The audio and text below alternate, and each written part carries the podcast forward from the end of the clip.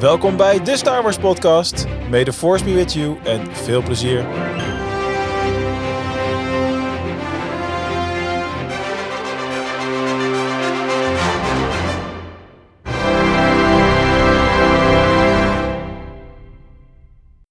May the Fourth be with you en Jedi Survivor. Wat een week hebben we weer gehad als eh, Star Wars fans.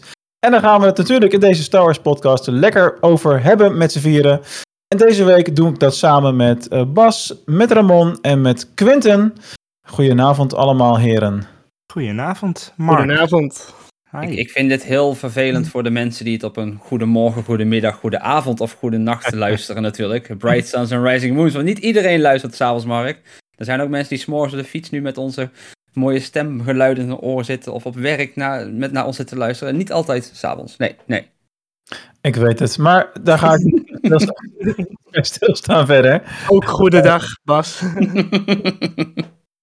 Het was een lange dag, sorry. Het is zo'n typisch podcast dingetje. Anyway, we gaan natuurlijk beginnen met de Star Wars quiz.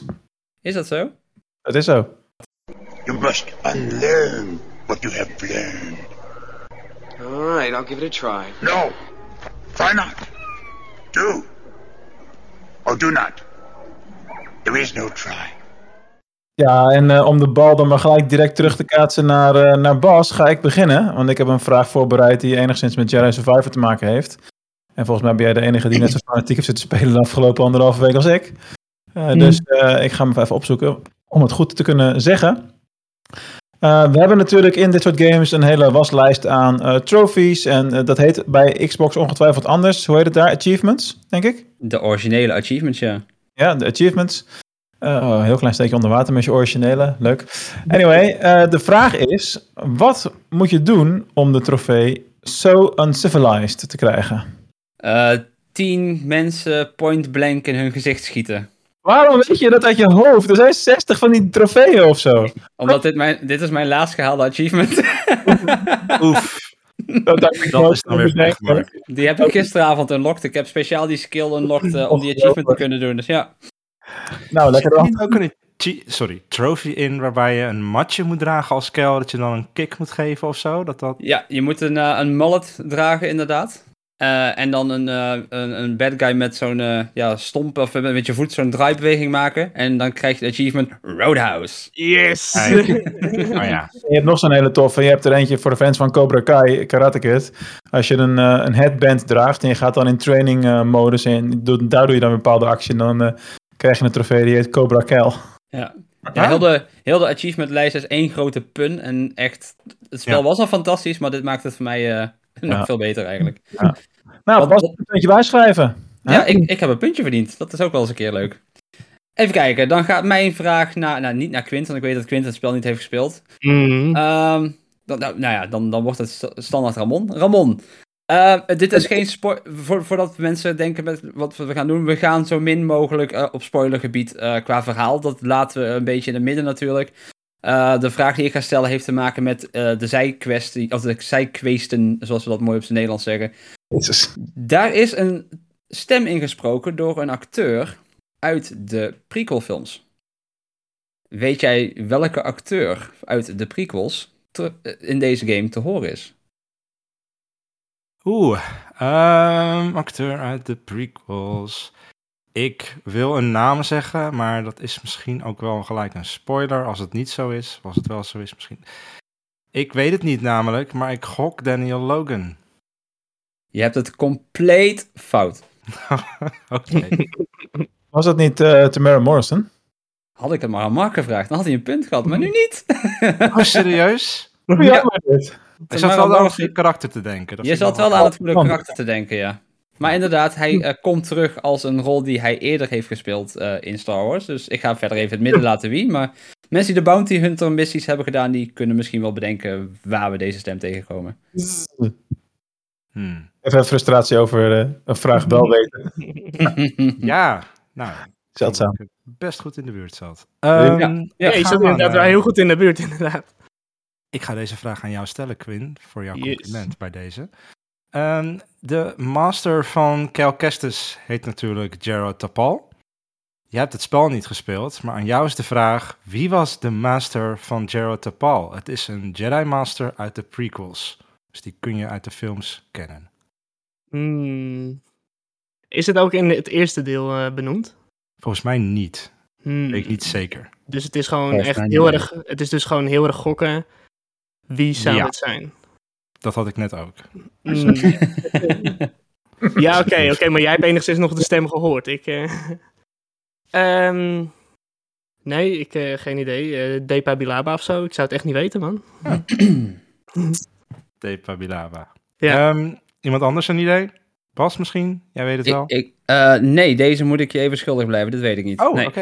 nee. Dan Ik weet het ook niet, maar ik wil wel gokken. Ki Adimundi. Kia di Mundi. Nou, je zit wel een beetje in de richting van de Alien Jedi Masters te denken. Hmm. Het is Yerrol. Oh, tuurlijk, ja. Dat heb ik Ah, gezien. Oh, dat hebben jullie nog gezien ook. En toch allebei fout. De hele game eruit gespeeld. Ja, hallo, als je 30 uur in één verhaal steekt in een week, dan eh hè? onthoud je niet alles.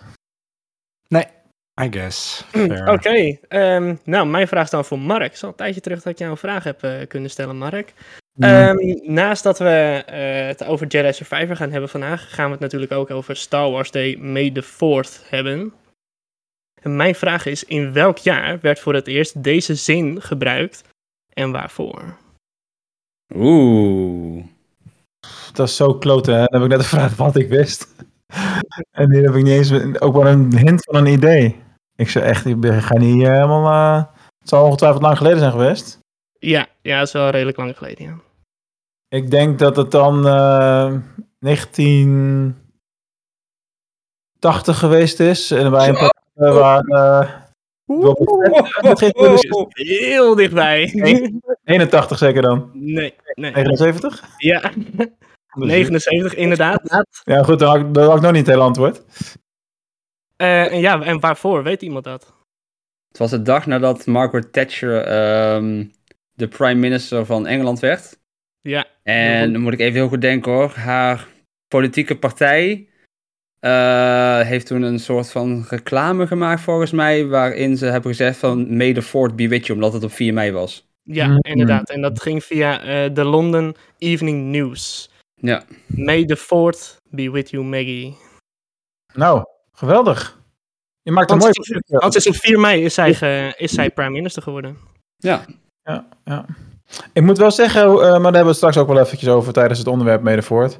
Dat het altijd wel een dingetje blijft om dat te doen in Nederland. Het, het vieren van die dag en eh, Ja, ja. andere mensen daar dan naar kijken. Maar goed, Ja, in Engeland dus ook, want hè, op in 4th werd daar dus eerst gedaan. En, en deze week heeft Snoke natuurlijk eh eh, behoorlijk wat screentime gehad daar in Engeland. Want ik weet niet of jullie de kroning van Charles hebben gezien, maar het was gewoon alsof je naar Snoke zat te kijken natuurlijk. Had dezelfde kleren aan en zo.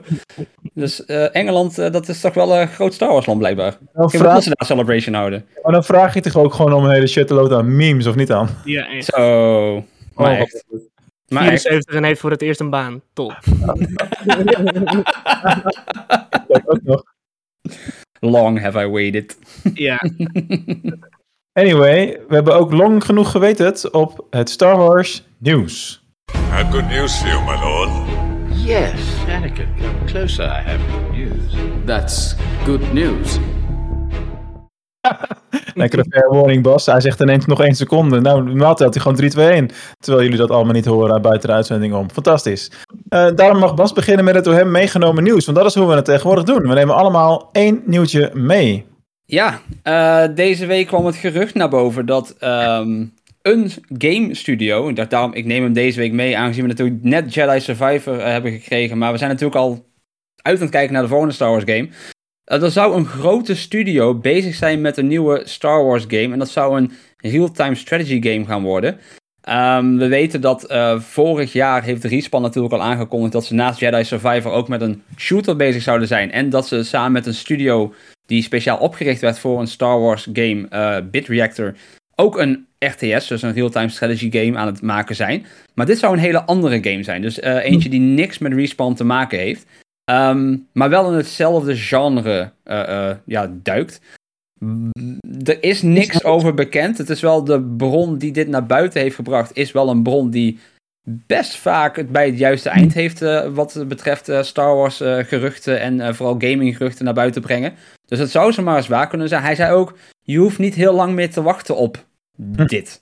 Dus dat maakt het wel heel interessant. En nou is mijn vraag eigenlijk aan jullie. We hebben in het verleden natuurlijk meerdere Star Wars RTS'en gehad. We hadden Force Commander, we hebben Galactic Battlegrounds gehad, we hebben Empire at War gehad. Dus dat zijn eigenlijk de drie grote. En nu zijn er ineens twee tegelijk in ontwikkeling. Is dat slim volgens jullie dat we twee keer hetzelfde genre gaan krijgen? Of, of hoe denken jullie daar eigenlijk over? Nou, ik Hmm. denk dat je binnen het genre ook heel veel Hmm. verschillende kanten op eh, kan. Je hebt natuurlijk het soort type Command and Conquer RTS, eh, Civilization, eh, maar ook, en daar hoop ik nog steeds heel erg op, en ik weet dat een aantal eh, ontwikkelaars die nu bij Bit Reactor zitten, voorheen eh, van Fire Access afkomen Ja. en aan de XCOM-serie hebben gewerkt. Ja. Dat is meer een soort squad management type game waarbij je ook wel basissen moet bouwen, maar dat is meer tussen de missies door. Dus eh, ik weet niet of dat echt als RTS ehm, te categoriseren valt, maar zo'n soort game zou ik heel graag willen zien in Star Wars. Het is er gewoon perfect voor gemaakt. Dat, dat is voor de mensen die niet weten, een beetje de XCOM en de, hoe heet die laatste, Marvel Midnight Suns. Midnight Suns. Mhm. Zoiets. En die, die Gears of War game, Gears Tactics, dat is een beetje dat idee. Dat is inderdaad een optie. Eh, eh, Mark, Quinten, spelen jullie wel eens dit soort games? Hmm, Ik Nee. heb Empire at War wel gespeeld, ja. En ook eh, eerdere strategie games waarvan ik nu niet meer weet hoe ze heten. Maar dat was nog in een low-tech eh, tijdperk. Eh, prequel tijdperk, zeg maar nog. Eh, dus dus ik- denk ik dat jij eh, Galactic Battlegrounds bedoelt. Ja, dat, die kans is vrij groot. Ehm, dus ja, ik, maar ik moet wel zeggen dat ik dat soort games vroeger wel leuk vond. Maar ja, dat was ook nog in de tijd dat ik eh, eh, graag point-and-click adventures op de PC deed, zeg maar. Ik heb ooit wel eens geprobeerd om Civilization dan op de PlayStation te spelen. Maar ik speel al jaren geen spellen meer op een desktop-laptop situatie. Maar ik doe Ja. alles op console. Dus ja, Hm. het is niet het type spel waar ik nu weer heel erg snel nog zou, eh, zou kiezen. Ik ben toch wel van wat meer... Ik moet al de hele dag denken achter een computer, zeg maar. Als ik dan iets anders achter een beeldscherm doe, dan wil ik wel dat het eh, gewoon wat meer actie heeft, zeg maar. Ja? Ik denk Ja, dat ik dat wel met je, met je eens ben. Ik, eh, ik ben niet helemaal thuis in dit soort games. Nou sta ik wel altijd gewoon open voor, eh, nieuwe, voor nieuwe games. Ook eh, games waar ik echt eigenlijk helemaal nooit iets van heb gehoord. Maar ehm, ja, ik zou er wel openstaan voor zoiets. Al game ik ook niet heel veel op de PC. Ik game wel liever op de PlayStation bijvoorbeeld. Ja, het- kan natuurlijk, hè, want we hebben natuurlijk in het verleden wel eh, eh, games dit genre gehad op de consoles. En sommige daarvan die ook echt heel goed werken op de console. Eh, vaak denken mensen, dit zijn echt games die je met een muis moet spelen. Maar dat is eigenlijk helemaal niet meer zo. Want Halo Wars is bijvoorbeeld op Xbox heel goed te spelen. We hadden de Middle-earth, Battle for Middle-earth games die heel goed deden op de consoles. Dus het kan wel. Ehm, en de games die Ramon net opnoemde, die XCOM en dat soort dingen, die zijn gewoon allemaal eh, al heel lang speelbaar op, op eh, de consoles. Dus het zou zomaar mogelijk kunnen zijn natuurlijk. Ja, Plus, is van voorkeur, toch? Weet je. ja, nee, en als zo'n game natuurlijk met, met een console in het achterhoofd eh, opgebouwd wordt, dan ja, ik ben benieuwd. Ik ben vooral heel erg benieuwd welke grote studio ze hier aan gaan zetten, want het lijkt er een beetje op... bekende te zijn, ja. Ja, maar ja, wie? Want EA die is natuurlijk bezig met games. Eh, Ubisoft is bezig met... eh, dan hou je een beetje als zeg, want het is een big name developer. Ja, dan zou je denken eh, Activision. Dat zou ik wel interessant vinden als het zo'n setting zou worden. Ja. Wat voor setting? Ja, Activision is natuurlijk ook van World of Warcraft en zo. Ja. Mhm. Niet dat ze die game dan weer gaan maken, maar die hebben wel een hele goede reputatie. En hebben in het verleden heel veel met LucasArts eh, samengewerkt natuurlijk. En aangezien die deal met Microsoft niet doorgaat, heb ik ook geen angst voor exclusiviteit op Xbox meer. Is dat die, die deal, definitief? die deal gaat nog steeds niet, niet door, hè? Daar is niks definitiefs in besloten nog. Net als Oh. net Brexit, over een paar jaar dan Niet komt niet. dat wel door. Nee, hij is gewoon even op pauze gezet door eh, iemand die zegt van, we snappen het niet. Ja, ja, ja. Maar dat is een andere discussie. Daar kunnen we een hele andere tech-podcast van uren en uren over maken. Laten we dat niet doen. Heb jij niet ook een gaming podcast op een gegeven moment?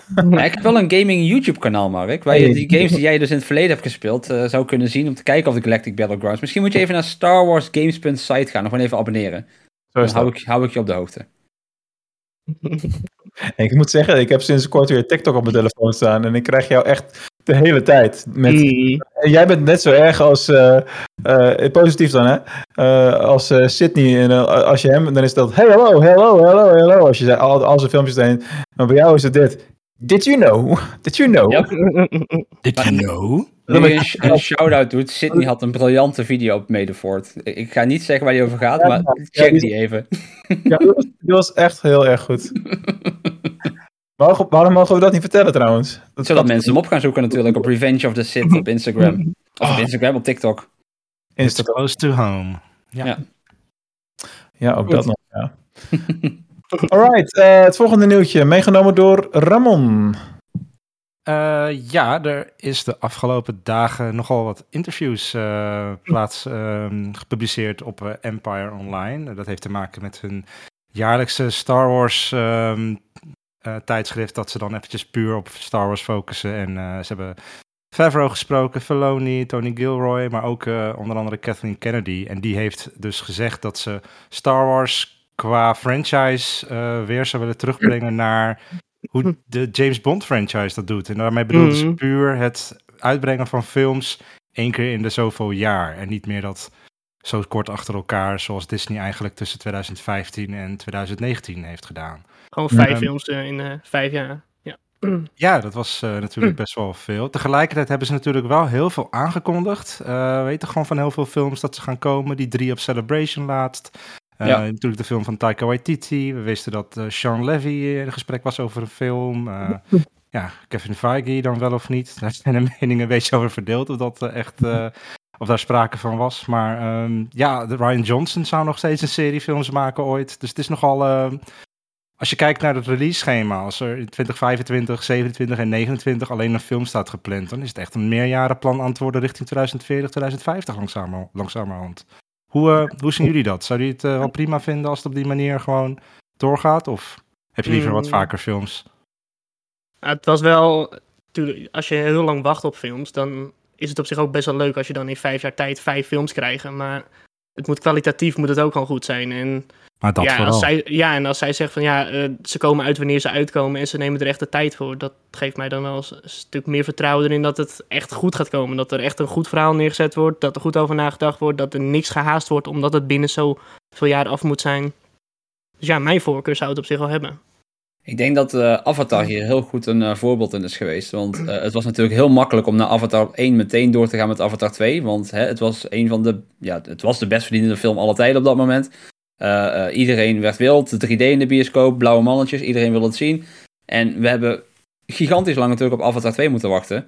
Ehm, maar die heeft gewoon het record van Avatar 1 gewoon weer kunnen doen alsof het, ja, alsof het een peulenschil was natuurlijk. En het is niet dat ik nu zeg van een Star Wars film moet in mijn ogen 2 miljard ophalen, want anders is het niks. Nee, het is meer, mensen kijken duidelijk uit en willen dan ook eens zien in de bioscoop waarom we zo lang hebben moeten wachten. En dan Mhm. wordt het wel weer dat event in de bioscoop. Dus, eh, Ik, ik weet nog toen de Phantom Menace in de bioscoop kwam, dat was echt een happening. Dat was, je hoefde de tv maar aan te zetten, het nieuws had het erover, eh, de, de, de talkshows hadden het erover, elk programma had het, want het was echt een ding dat Star Wars weer in de bioscoop kwam. En het was, het was speciaal. En eh, het, het was ook een, echt gewoon een wereldwijd fenomeen op dat moment. En dat is met vijf films in vijf jaar, dat, dan lukt dat gewoon niet. Want dan is het, ja, we hebben er weer één. Eh, over twaalf maanden doen we dit gewoon nog een keer. En daarna, zes maanden later, hebben we er weer eentje. Dan, dan denk je van, ja, leuk. Ja, En je hebt tegenwoordig ook zoveel series die er tussendoor uitgebracht worden. Zoveel live action wat daartussen is, dat het eigenlijk ook een beetje onnodig is om zo kort op elkaar dat uit te brengen. Er komt elke keer wel, wel weer wat. We zitten dan nu zeg maar in een hele korte periode dat we even geen serie hebben. Ja. Maar ja, we hebben ook hier in de podcast gewoon een periode gehad dat we eigenlijk elke week alleen maar een serie bespraken. Omdat er gewoon elke keer weer wat nieuws was. En als je dan daartussendoor ook nog eens allemaal films uit gaat brengen, ja. Het is heel veel en natuurlijk, het blijft natuurlijk Star Wars. We krijgen Star Wars. Maar het mag voor mij wel wat langer duren. Ja, en- dat kan natuurlijk wel, hè. Want ehm, als ik het heb over eventfilms, kijk naar Lord of the Rings. Die kwamen echt eh, drie jaar achter elkaar in december uit. Nou, dat was echt... eh, ik denk dat die bioscoop, eh, het kaartkoop voor ticket, zo noem je dat. Die ticketverkopers in de bioscopen echt voelden als Simba en die gul wanneer die genoes naar beneden stormen. Ook als een Lord of the Rings in de bioscoop kwam. Want eh, iedereen en zijn moeder zat in de bioscoop op dat moment. Dus het, het kan wel. maar Bas, hebben ze dan niet te veel films aangekondigd inmiddels? Ehm, ik denk niet dat ze te veel films hebben aangekondigd. Ik denk dat ze eerst eens een film uit moeten gaan brengen. Want het is Ja. leuk dat je heel veel aankondigt, maar eh, ik denk dat ondertussen ook wel wat water bij de wijn gedaan mag worden. Want we horen nu al jaren over films. En aan de ene kant hebben we zoiets van, waarom zeuren we hier zo over? De laatste is pas vier jaar geleden. Het, het, het is niet zo ver terug dat, dat Rise of Skywalker in de bioscoop draaide natuurlijk. Ik bedoel, tussen Revenge of the Sith en Force Awakens al meer dan tien jaar. Ehm, Ja. Waarom doen we na vier jaar al zo moeilijk? Maar ik heb, ik heb nu wel meer dan ooit het idee van, ze hebben eindelijk een plan. En ehm, Sinds Celebration. ja, sinds Celebration. Het is, het is alsof we nu eindelijk zoiets hebben van, oké, we hebben dingen geprobeerd. Dit is wel gelukt, dat is niet gelukt. We gaan nu op deze voet verder en we gaan kijken waar dit ons gaat brengen. En tot nu toe heb ik zoiets van, ja, ze hebben nu een, een, een alsof ze een puntje in de vecht hebben gezet en daar gaan we nu naartoe werken. En, Hm. en eh, eh, ja, een plan, dat is wat ze bij de, de, de laatste trilogie niet hadden. Dus het kan alleen maar beter worden. Ik zie het ook wel een beetje als appels met peren vergelijken wat hier eh, gebeurt. Want ja, tuurlijk eh, was het een event toen Phantom Menace in de bioscoop kwam. Want dat was kei lang geleden dat er überhaupt iets gebeurde. Alleen nu is het zo dat je tussen The Rise of Skywalker en vandaag hebben we al weet ik veel hoeveel uren aan series achter de kiezen. Dus of je nou twee jaar of vijf jaar wacht op een volgende film in de bioscoop, je blijft tussendoor toch heel veel Star Wars content krijgen. Ja. In de vorm van die, eh, van die series die we krijgen. En persoonlijk vind ik dat we eh, Star Wars vaker in de bioscoop zouden moeten kunnen beleven. Op zijn minst hetzelfde tempo of in de buurt van wat Marvel eh, produceert. Dat is volgens mij ook eh, wel wat haalbaar is. Zolang het eh, succesvol genoeg daarvoor is. En Doe je nu drie films per jaar bijvoorbeeld? Of Ja, dat Zoals vind ik wel Marvel? veel. Dat vind ik wel veel. Ja, dat hangt er vanaf hoe, eh, hoe bepaalde dingen gaan aanslaan. Stel dat die, eh, eh, die 25.000 jaar geleden film, zeg maar, eh, een enorme hit eh, wordt en daar ontstaan nieuwe werelden en karakters uit, dan kun je daar een hele franchise omheen bouwen. Wij zo spreken, en aparte dingen mee, mee doen. Het kan ook niet gebeuren, maar het is nu zo dat ze de route kiezen voor we doen eerst één ding. En dan kijken we of het wel of niet werkt en dan gaan we wel of niet verder. En dat is op zich wel heel verstandig. Kijk, dat er Avatar alle records breekt, hartstikke leuk voor Avatar, maar ik ben toch goddoen blij dat ik Star Wars fan ben en geen Avatar fan. Want dan moet je toch wel heel, heel, heel, heel, geduldig zijn en eh, heel oud worden en zo.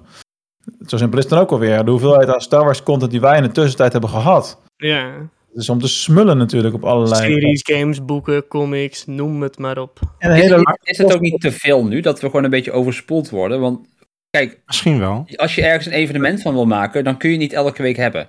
Eh, ik zei het volgens mij vorige week al, met de laatste aflevering van The Mandalorian hebben we van Lucasfilm sinds 21 november, de, de startdatum van Endor, elke week iets nieuws gehad op Disney+. Plus. Eh, vorige week was eigenlijk de eerste week dat we niet echt iets kregen. Deze week hadden we natuurlijk weer twee series eh, in één keer. Ehm, het gaat maar door, het gaat maar door. Dus het is niet... Ik, ik weet nog, toen ik in die tijd van de prequels zat, ik leefde echt toe naar de volgende film. Daar zat elke drie jaar tussen. Dat was echt van, ik ga nu de Phantom Menace zien. Ik weet, over drie jaar zie ik pas het volgende Star Wars. Nu is het, ik zie nu een film en volgende week zie ik een aflevering van die serie. En de week erop zie ik dat weer. En daarna komt Mandalorian terug en dan komt Ahsoka. En dan heb ik dit. Dus dat maakt het ook minder eventvol, denk ik. Dus is het dan ook niet slim als we, als we weer terug naar de films gaan, dat ze in die tijd ook een beetje gas terugnemen qua series? Dat we niet meer vier series per jaar hebben, misschien nog maar één of twee. Voor de podcast dat- hebben we niet. Dat zou ons, ons werk een stuk moeilijker maken. Ja. Maar ik denk wel dat dat het specialer maakt. Het Ja, maakt het specialer. ja. Het maakt het meer een happening. Dat ben ik met je eens. Ehm, je kunt je ook afvragen, betekent meerdere films in een jaar ook dat de kwaliteit dan omlaag gaat? Want dat hoeft natuurlijk niet per se. Ik heb zoiets van, als de kwaliteit maar goed is, heb ik er op zich wel vrede mee als er wat vaker films zouden uitkomen. Maar ik ben het wel met jou eens, Bas, dat ik zelf ook heel erg Star Wars films in de bioscoop als een event en een happening beschouw. En dat mag best iets zijn waar je op wacht. En dat kan nu ook. Want ja, wat is wachten inderdaad? Wat Mark net ook al zegt. Met al die series die uitkomen. Ja. Wachten is zo'n groot woord. Eigenlijk hebben we al zoveel Star Wars het hele jaar door. Dus dat wachten op zo'n film is ook wat draaglijker dan in het verleden. Ja. Ehm, maar, maar Mark, zie jij een Star Wars film in de bioscoop dan ook als een... en Beleef jij het als een happening? Als je zegt van, nou ja, voor mij mag het eigenlijk wel net als Marvel gaan.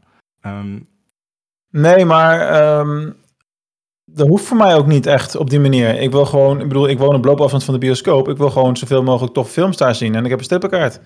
Ja, en als dan minstens één keer per jaar daar een Star Wars film tussen zit, dan word ik er blij van. Ik bekijk, het, Ja. als- ik bekijk het op een hele simpele manier wat dat betreft. Kun, En- kun je voor de mensen die luisteren die niet eh 30 jaar oud zijn of eh, ouder, even uitleggen wat een strippenkaart is? Nou, dat is nog een hele ouderwetse kartonnen kaart. Het is geen geintje dit. Die koop je gewoon bij de bioscoop. En elke keer als ik daarheen ga, er staat er met pen opgeschreven hoe lang die geldig is, een jaar na uitgifte. En eh, als ik daar kom, dan is het een beetje zo'n treinconducteur systeem. Dan Wat krijg voor je, bioscoop is dat? je krijgt een knipje in de kaart. En dat was het. Oh, wauw. Ik heb ook strippenkaart hoor, hier. De modernste bioscoop in Utrecht, eh, die gebruikt ze ook gewoon. Ik vind het makkelijker dan een abonnement. Want als je dan een maand niet gaat, ja, geld ben je kwijt. Maar die- voor die strippenkaart denk je van, nou ja, Ja. Ik, ik gebruik toch alleen wat ik daadwerkelijk naar de film ga. Dus op zich, Ja. het idee Ja. is wat slim. Ik wist niet dat jullie in 1980 woonden. Ja, echt zo. Ik wil niet lullig doen, maar eh, toen ik in 2000 in Rotterdam op kamers woonde, toen hadden we nog blauwe en groene strippenkaarten in de tram. Hmm. Dus dat is, tri- dat is eh, op zich nog 20 Waardevolle jaar. toevoeging dit. Top. Mark is oud. Jaren achteruit. En om dan gelijk maar even een voetbalreferentie te maken. Als ik volgende week met Liam naar Rotterdam ga om het kampioenschap van Feyenoord te vieren, dan eh, kunnen we gewoon eh, met een, de telefoon ins- inscannen in die trams tegenwoordig. Ja. Makkelijk. Easy peasy. Alright. Anyway. Het is jammer dat Rob er niet is voor mij dan op dit moment. Maar goed, Hm. Hij is erg blij, denk ik. denk ik. Next. Goed. Mijn, Met welk, onderwerp, met welk onderwerp waren we ook weer bezig? Oh ja, dat hebben met we het nieuws. nieuws. Met, met mijn nieuwtje ga ik deze lekker Ja, vooruit, Quinn. Kom maar op. is- Dit is voor mij helemaal nieuw, hè? Voor eh, gewoon dat iedereen een dingetje meeneemt. Maar ehm, ja, ik ga even inhaken op wat eh, Kimberly ons vorige week verteld heeft. Over dat Carrie Fisher een eh, ster op de Walk of Fame in Hollywood heeft gekregen. Hartstikke fijn natuurlijk. Veel te laat. Heeft veel te lang geduurd. Zeven jaar na overlijden. Maar eh, wat mij vooral is opgevallen afgelopen week op het nieuws... is dat er een hele familieruzie is ontstaan rondom de Fishers. Ja. Door dit evenement. Hm. Nou is het dus zo dat voor de oplettende kijker die heeft gezien wie er allemaal bij stonden, waren het alleen maar de dochter Billy Lord en Luke Skywalker, oftewel Mark Hamill zelf. Ja. En geen andere familieleden dus. En dat is dus omdat Billy, dus de dochter, al die familieleden heeft ehm, ja, geweigerd op dat eh, evenement. Omdat zij vindt dat in de periode dat eh, Carrie Fisher net was overleden, dat eigenlijk alleen maar de, haar ooms en tantes alleen maar geld probeerden te verdienen aan haar dood. En zei Ja. van nee, ik wil jullie er niet bij hebben, ik, eh, ik vind dat niet kunnen. En terecht. Ja, ja, dat is een beetje ehm, twee, kanten, twee kanten. Twee kanten. Dat, Ik Ja. vind dat makkelijk. Ehm, ik zei het ook al in de Discord. Het is heel moeilijk voor ons als buitenstaanders om hier iets van te vinden. Wij weten niks van die familie, hoe ze intern, hoe de dynamiek is. Mm, Of er Ja. echt sprake is van profiteren of niet. Maar wat ik wel zei, in het al, laat ik het in het algemeen zo zeggen.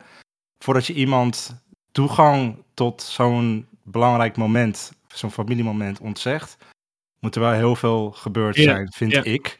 Ja. Ehm, en ik weet er verder het fijne niet van. Dat zal in het geval van Billy Lord, eh, ze zal vast haar redenen hebben. mhm. Maar ik vind het nogal heftig om eh, te zeggen van eh, jij en jij en jij mag er niet bij zijn.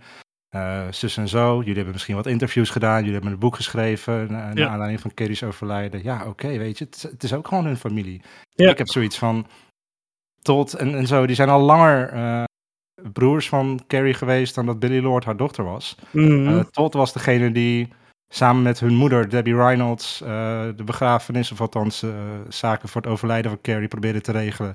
En op dat moment kreeg Debbie Reynolds gewoon een hartaanval, is ze ook overleden in zijn bijzijn. Ja. Dat, dat, dat, dat zijn toch, ik, Ja. ik kan me wel voorstellen dat je dat misschien een boek over schrijft of iets, dat je toch daar op een of andere manier... Ja, weet je, ik probeer echt niet een partij te trekken, maar ik vind het heel, ik wil wel zeggen dat, het, dat je heel voorzichtig moet zijn om een partij te trekken. Om te zeggen Mhm. van dit is terecht of dit is niet terecht. Want dat zijn hele ingewikkelde zaken waar wij gewoon niks van weten. Nee, Ehm, tuurlijk. ik, ik heb van de week wel een interview eh, eh, of iets wat, wat ehm, eh, Billy Lord op de Instagram had gezet. Ik weet niet of die post inmiddels weer verwijderd is, maar op YouTube eh, werd hij natuurlijk eh, grondig uitgelicht. Waarin ze gewoon neer had gezegd van op het moment dat mijn moeder overleed, Ja. ging ik rouwen. En het eerste wat hun hebben gedaan, het eerste is de telefoon opgepakt om de pers te bellen van hey, ik ben klaar voor een interview. Nog Ja. voordat ze eigenlijk bij de familie Ja, ja, ja. heen waren gekomen. En dat is bij haar zo in het verkeerde keelzog had geschoten. Dat ze op dat moment niet voor de familie kozen, maar voor de pers. Eh, dat ze heeft gezegd van ik wil jullie niet in mijn rouwproces. Eh, en ze heeft gewoon aangegeven, deze ster is voor haar het einde van haar rouwproces. Ja. Nu sluit ze dit af. En daarom wilden ze Ja. Mark Hamill er wel heel graag bij hebben. Omdat Mark Hamill, zij, zij noemt haar heel de leven al de oom. Eh, en wat ik ook heel mooi vind, omdat je daaraan ziet hoe close ze in het echt ook met Mhm. elkaar waren. Ehm, ik, ik, hebben jullie de speech van Hamill gehoord?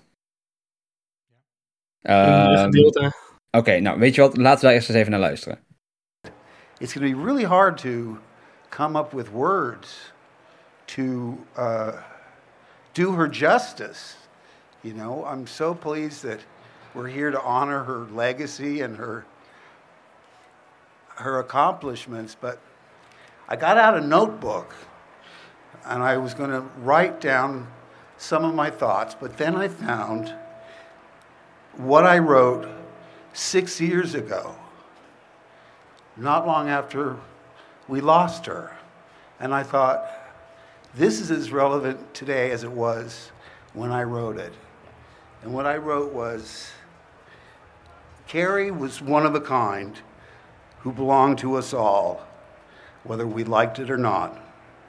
She was our princess, damn it, and the actress who played her blurred into one gorgeous, fiercely independent, and ferociously funny take charge woman who took our collective breath away. Determined and tough, but with a vulnerability that made you root for her and want her to succeed and be happy. She played such a crucial role in my professional and personal life, and both would have been far emptier without her. Was she a handful? Was she high maintenance? Oh, no doubt. But everything would have been so much drabber and less interesting if she wasn't, if she hadn't been the friend that she was. I'll never stop missing her, but I'm so thankful we had her as long as we did. I'm grateful for the laughter, the wisdom, the kindness, and even the bratty, self indulgent crap my beloved space twin drove me crazy with through the years. So thank you, Carrie. I love you.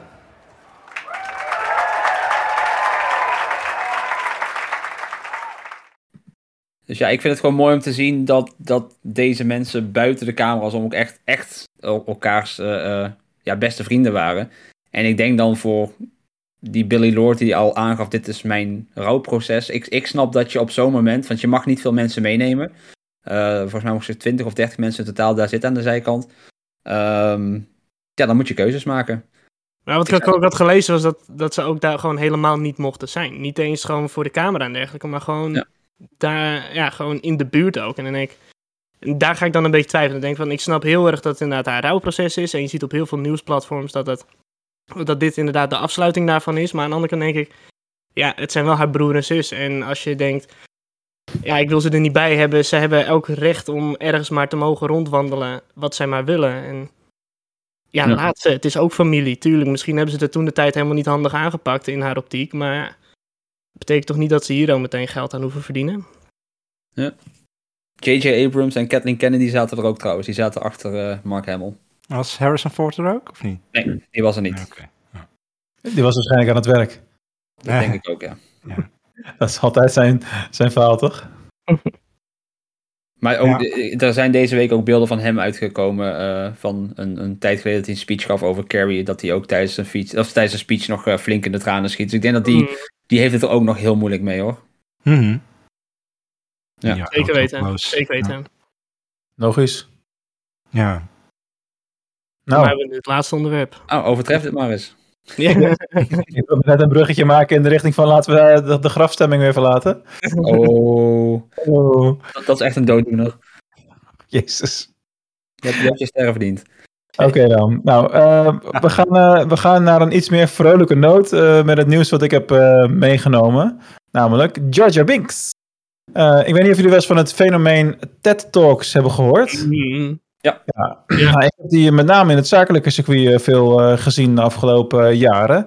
Uh, maar we krijgen een TED Talk serie genaamd The Redemption of Jar Jar Binks.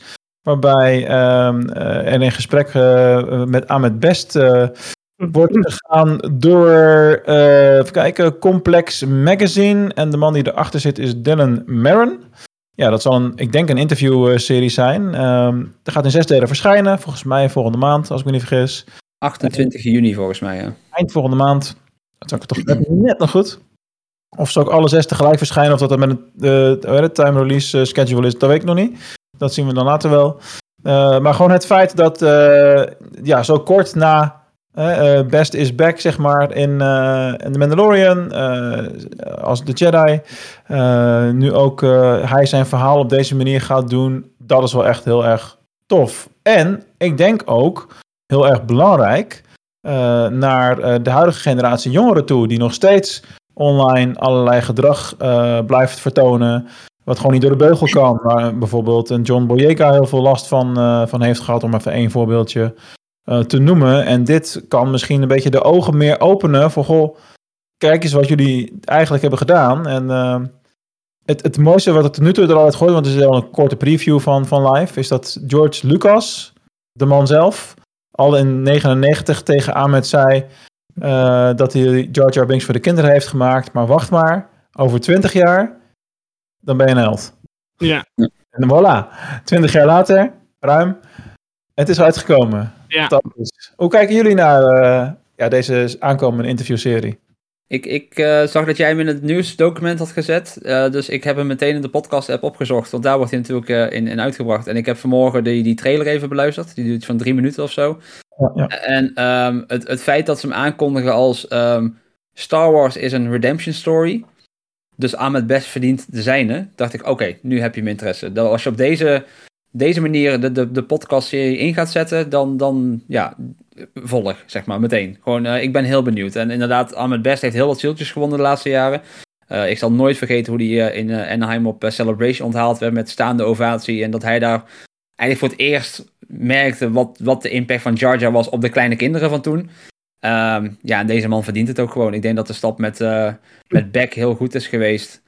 Ehm, eh, of dat Ahmed Beck eh, was, eh, was, zeg maar. Dat dat gewoon heel goed is. Eerst natuurlijk in die kinderserie en later in, in The Mandalorian.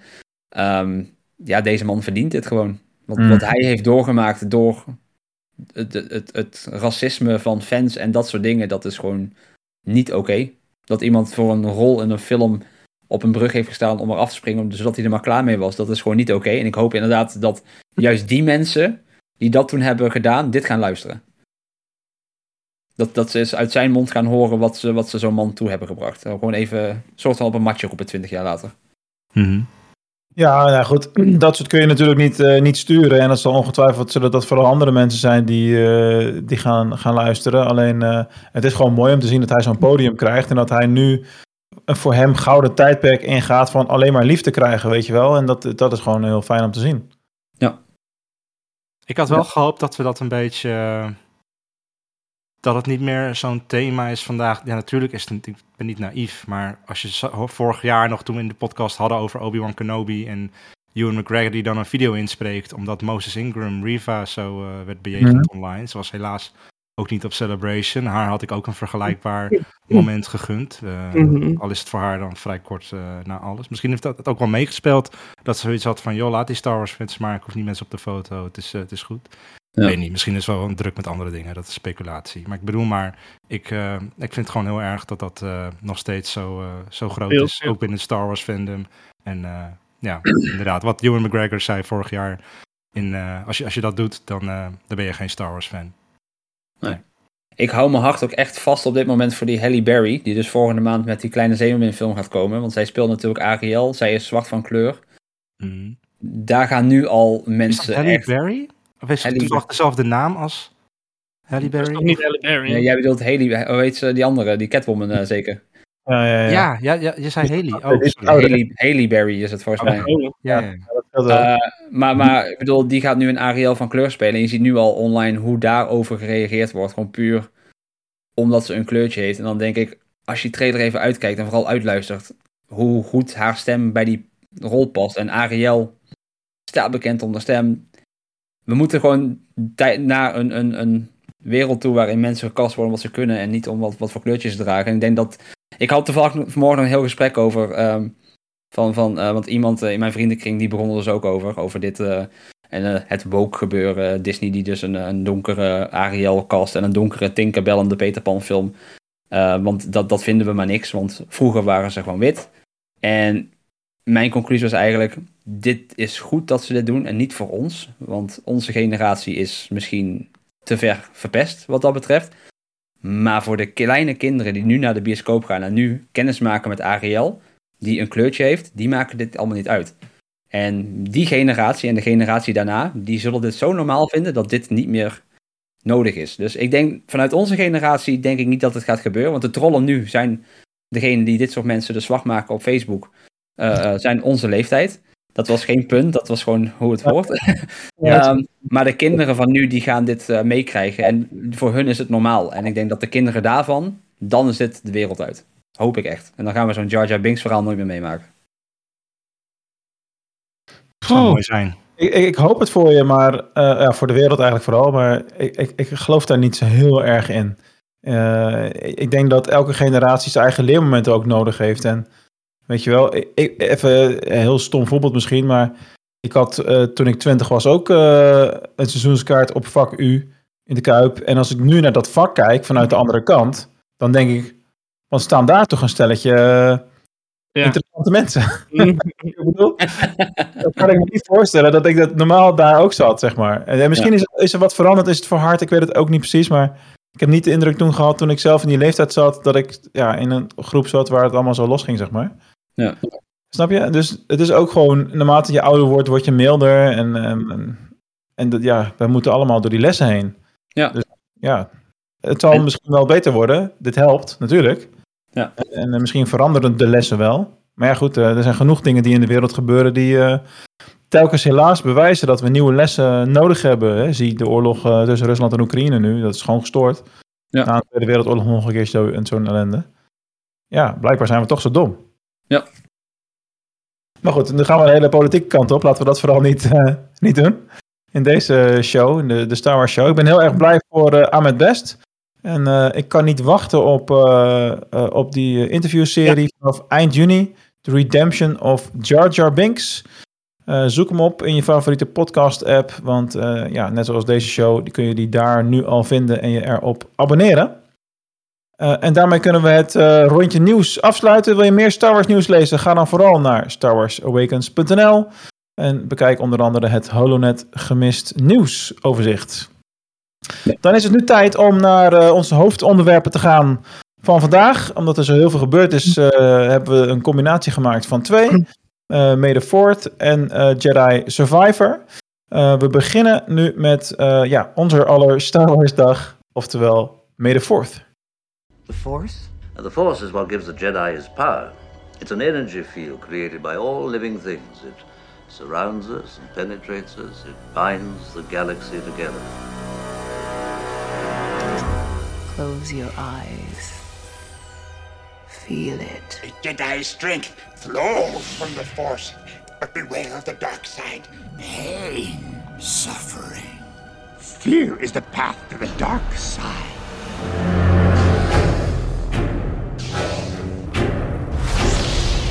If you only knew the power of the dark side. dark side of the Force is a pathway to many abilities some consider to be unnatural. I want you to fight the Empire. The Force is with me, and I am with the Force. Follow Use the Force, Luke.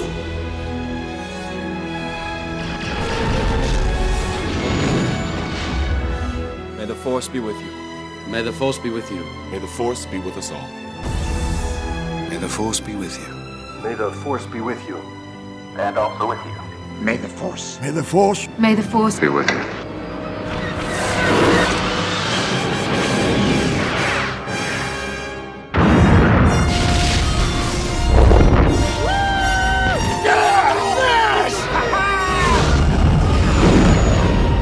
May the Force be with you. The Force will be with you.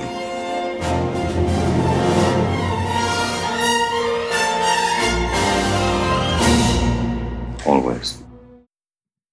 Ja, wat een hommage aan eh, het feest wat Star Wars is. The Fourth, internationale Star Wars dag.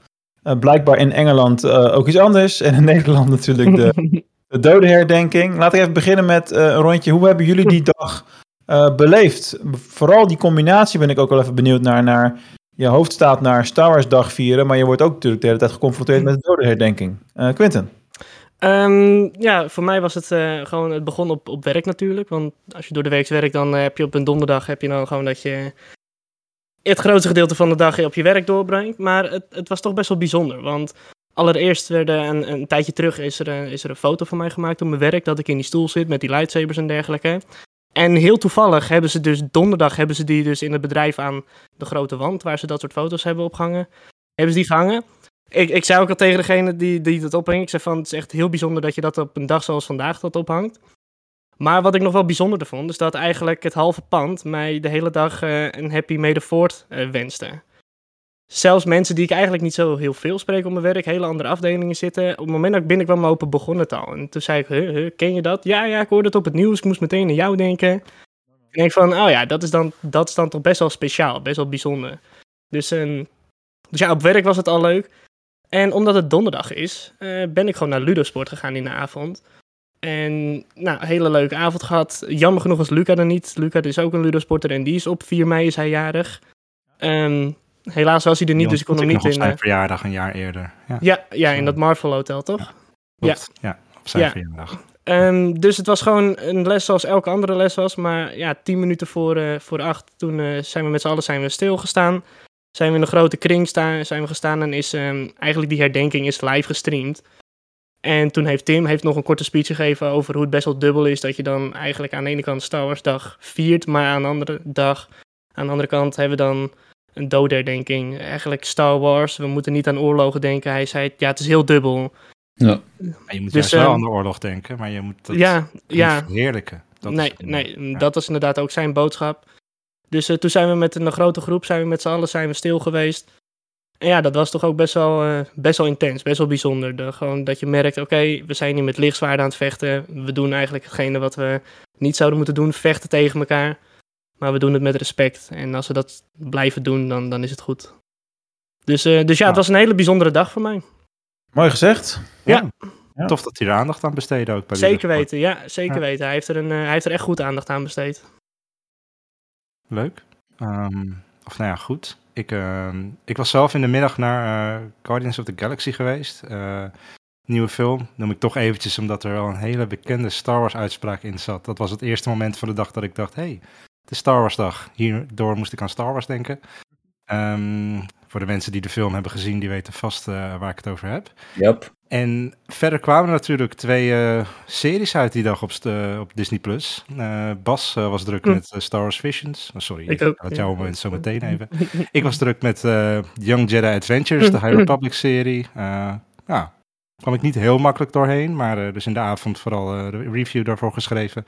En eh, natuurlijk om acht uur even een moment eh, stilte naar de livestream gekeken. Maar eh, ja, dat was het eigenlijk eh, qua Star Wars dag alweer. Ging toch wel snel voorbij. Ja. Ja. En jij Bas? Eh, het was voor mij een hele dure Star Wars dag. Ehm, Oh, ja.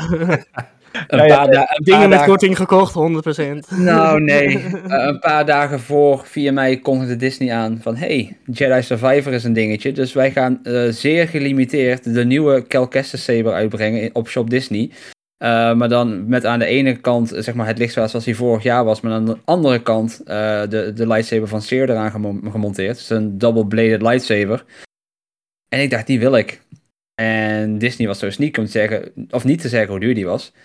Maar wel dat die zeer gelimiteerd werd natuurlijk. Dus wat doe je dan? Dan om eh 9 uur s morgens op 4 mei gaat dat live. En dan het eerste wat je denkt is bestel, bestel, bestel, bestel. En later bedenk ik wel of ik het wil. Want ja, gelimiteerd. Er waren er uiteindelijk 7500. Waarvan eh, volgens de verhalen er ehm 2500 zijn voor, eh, voor de online shops. eh 2500 voor Galaxy's Edge in Florida. En 2500 voor Galaxy's Edge in Anaheim. Ehm 430 euro. En je, kreeg niet, en je kreeg niet eens de blades bij. Die moest je dan nog los zien te krijgen. Want die vervolgens is niet verkocht eh, op Shop Disney. Dus die moet je aan een Galaxy Edge gaan halen. Maar gelukkig heb ik ze al van die andere lichtwaarden. Ik wou net zeggen, het zijn toch wel dezelfde? Het zijn dezelfde. Maar eh, ja, 430 euro had ik dus al uitgegeven voor mijn ontbijt. Eh, nou, Voor mij is zo'n saber echt van wat een gek ervoor geeft, wordt ervoor gegeven. Ja, het, het mooie het is dus echt een limited edition. Hij komt in een houten doos ook. Eh, daar is het, eh, het Jedi-logo ingebrand en daar staat een R-bash, een tekst op, eh, Trust Only in the Force. Eh, er zit ook een certificaat van echtheid bij met het eh, nummer wat het is. Dus het is wel echt een, een, een dingetje. Ik dacht, nou ja, als, als Jedi Survivor, Fallen Order fan, ik heb natuurlijk het zwaard uit deel 1. Ik dacht, ik moet deze gewoon hebben. Dus ja, jammer joh. Geld is rondgemaakt zodat het kan rollen. Is me altijd geleerd. Uh, nou ja, zoals Ramon zei, daarna meteen Star Wars Visions ingedoken. Want ik, ik eh, had de nobele taak om die dag de review te schrijven. Dus ik heb heel die serie er in één dag doorheen gejaagd. Ehm, snel even gekeken voordat ik naar werk ging. Na werk meteen een review geschreven eh, voor op de site. Eh, toen kwam Kim thuis en ehm, die bewees uiteraard weer dat ik gewoon het beste vriendinnetje alle tijden heb. Want in plaats van, we hadden een, hè, we zouden die avond een, een aardappeltje eten of zo met wat groente en wat vlees. Maar dat werd dus een Ronto wrap eh, met Blue Milk. Dus ze had het recept van Galaxy's Edge uit de boeken gehaald en een Ronto wrap gemaakt. En dus ja, blauwe melk erbij gedronken. Terwijl we de Rise of Skywalker gingen kijken. En die was gelukkig tien voor acht afgelopen. Dus om acht uur inderdaad even de livestream aan. Even de paar minuten stilte. En om half negen ging de livestream eh, aan van eh, Carrie Fisher die haar ster ging krijgen. Want dat begon om half negen onze tijd. Ze hebben daarna dat nog zitten kijken. Ehm, dus ja, ik ben wel de hele dag echt goed bezig geweest met Star Wars. En de momenten ertussendoor, dus het van en na werk eh, fietsen. De CD van Gaia is gereleased, dus de, de zangeres uit de Galactic Star Cruiser. Dus die heb ik ook gekocht die dag. Eh, dus die heb ik op de fiets zitten luisteren ook nog. Dus het was echt eh, ja, Star Wars van voor tot achter. Van, van de voordeur tot de wc, zeg maar. Echt, Quinten? Ja, ja, van de voordeur tot de wc, dat eh, ga ik nooit meer vergeten. Ja, maar de wc is vlak bij de voordeur, dus dat is een beetje raar. Le Paul er tegenover, letterlijk een meter inderdaad. Mhm. Ja, ik kan, het het, idee. ik kan vanaf het toilet bij de buurvrouw binnenkijken, ja. maar dat is Doe je dat wel. ook wel? Nee, ja, oké, daar gaan we Nee. nu niet over. Nee, doe maar niet. Jeetje. Ja, Jeetje. nou, jullie, jullie dagen waren, jullie Star Wars dag was wat Star Wars rijker dan de mijne, denk ik. Eh, ik heb eh, de hele week... Star Trek gekeken, ja. Bijna. ik heb de hele week thuis, eh, thuis gehad. Ehm, en eh, de vierde mei was de enige dag dat ik ook iets met de kinderen van Astrid en Astrid kon gaan doen. Dus toen zijn we met z'n allen naar Monkey Town geweest. Dus ik heb de hele middag in Monkey Town gezeten. En gewerkt aan Spice Rebels, de webwinkel die we gaan lanceren in september. In eh, Kruiden. En ehm, dat is dan het meest Star Wars-achtige wat ik daarvan kan maken, omdat het woord Rebels erin zit. dat was het wel. Oh, wauw. Eh, maar voor de rest heb ik vrij weinig dus met eh, Star Wars Day zelf eh, gedaan. Ik heb wel eh, even nog post nog gemaakt 's morgens voor de socials. Die worden ook flink geliked tegenwoordig, dus dat gaat hartstikke lekker. Onze kanalen op Star Wars Podcast NL. En, maar dat heeft niks meer met Star Wars Day te maken. Ik kwam er gisteren toevallig achter dat we op Facebook ineens een, eh, een paar volgers hebben, zeg maar. Ik weet, niet, ik weet niet precies hoe dat zit, maar Ramon had ooit een keer drie jaar geleden ergens een opmerking op een Facebookpagina geplaatst. Van joh, heb je in heel 2021 geen enkele post gedaan? En toen reageerde ik daar nog op van ja, maar ook zelfs in 2023 nog niet. En eh lang verhaal kort, helemaal aan het begin van de podcast, toen had ik bedacht, misschien gaan we dat ook ooit wel in het Engels doen. Dus ik ga ook een Star Wars Podcast Internationaal eh paginaatje opzetten. Nooit Had die meer- pagina ook nog niet de, de oude foto? Het oude Ja, logo? ja, ik heb het nou, ik heb het nou, ja, ja, dat klopt. Ja, Heeft dus dat is inmiddels wel- ver- gewijzigd. Maar dat is dus een pagina waar we nooit wat aan gedaan hebben. Maar ik weet niet waarom. Waarschijnlijk door tagging of zo. Of mensen die dan Star Wars podcast of iets in die richting typen. Komen ze bij ons uit als obscure Facebookpagina. En hadden we inmiddels 3.500 volgers. ja, hoe dan? Met, met geen post. Ja, ja, ja, twee of drie in de eerste paar weken, Ja. maar dan was het. Toch mooi hoe, hoe mensen denken dan. Oh ja, oh, ze hebben twee jaar lang niet... ge- Volg, want misschien komt het toch wel weer eens een keer. Ik denk niet eens zover. Wij worden, net, wij worden net James Bond films. We brengen wat uit wanneer we vinden dat we het uit kunnen brengen. Ja, dat is wel echt heel Ja, misschien moeten we even met eh Kathleen eh, gaan praten. Daarover gesproken, we hebben natuurlijk net even genoemd Star Wars Visions en Young Jedi Adventures. Daar hebben we het vandaag niet over, maar lieve luisteraar, precies. komende week Ik heb, nog, eh, inhoudelijk, eh, ik heb ook nog niet alles gezien trouwens. Gewoon van allebei een beetje. Ik toevallig van Visions vandaag alles achter elkaar. Twee uur tijd ben je ongeveer kwijt. Dan heb je alles gezien. Is- Is dat meer dan vorig jaar? Oh, Negen afleveringen. valt mee. Het is hetzelfde. Oké, ik stel voor dat we gaan eh, doorrollen naar eh, ja, het onderwerp waar we gigantisch veel tijd in hebben gestoken de afgelopen eh, week. In elk geval Bas en ik, en Ramon in mindere mate. Namelijk Jedi Survivor, de game. Tom, tom, tom. Mhm. Over een event gesproken. Jezus. Wat vond je ervan, Mark? Wat vond je ervan, Quinten? Het enige, Ja. wat ik, of het enige wat ik van Jedi Survivor heb meegekregen zijn de memes dat hij niet af is. Dus ik ben heel erg benieuwd wat daar nou precies mee aan de hand is. Dat is het enige wat ik heb meegekregen. Ik ben heel erg Waarom benieuwd. ga je hem spelen, Quinn? Als je hem gaat spelen. Eh, als ik een PlayStation 5 zou hebben, een PlayStation 5. Oké. Nou, en, en, als je en als je een Xbox zou hebben, waar zou je hem dan spelen? Ehm, als ik een Xbox zou hebben, dan zou het enige spel wat ernaast zou liggen Halo zijn. En voor de rest zou ik hem niet aanraken. Want, want de Xbox is wel het beste platform om het spel op te spelen blijven. Want dat is het enige waar echt geen problemen zijn, als ik het zo eh, hoor van iedereen. Oh, ja, ja. Ja.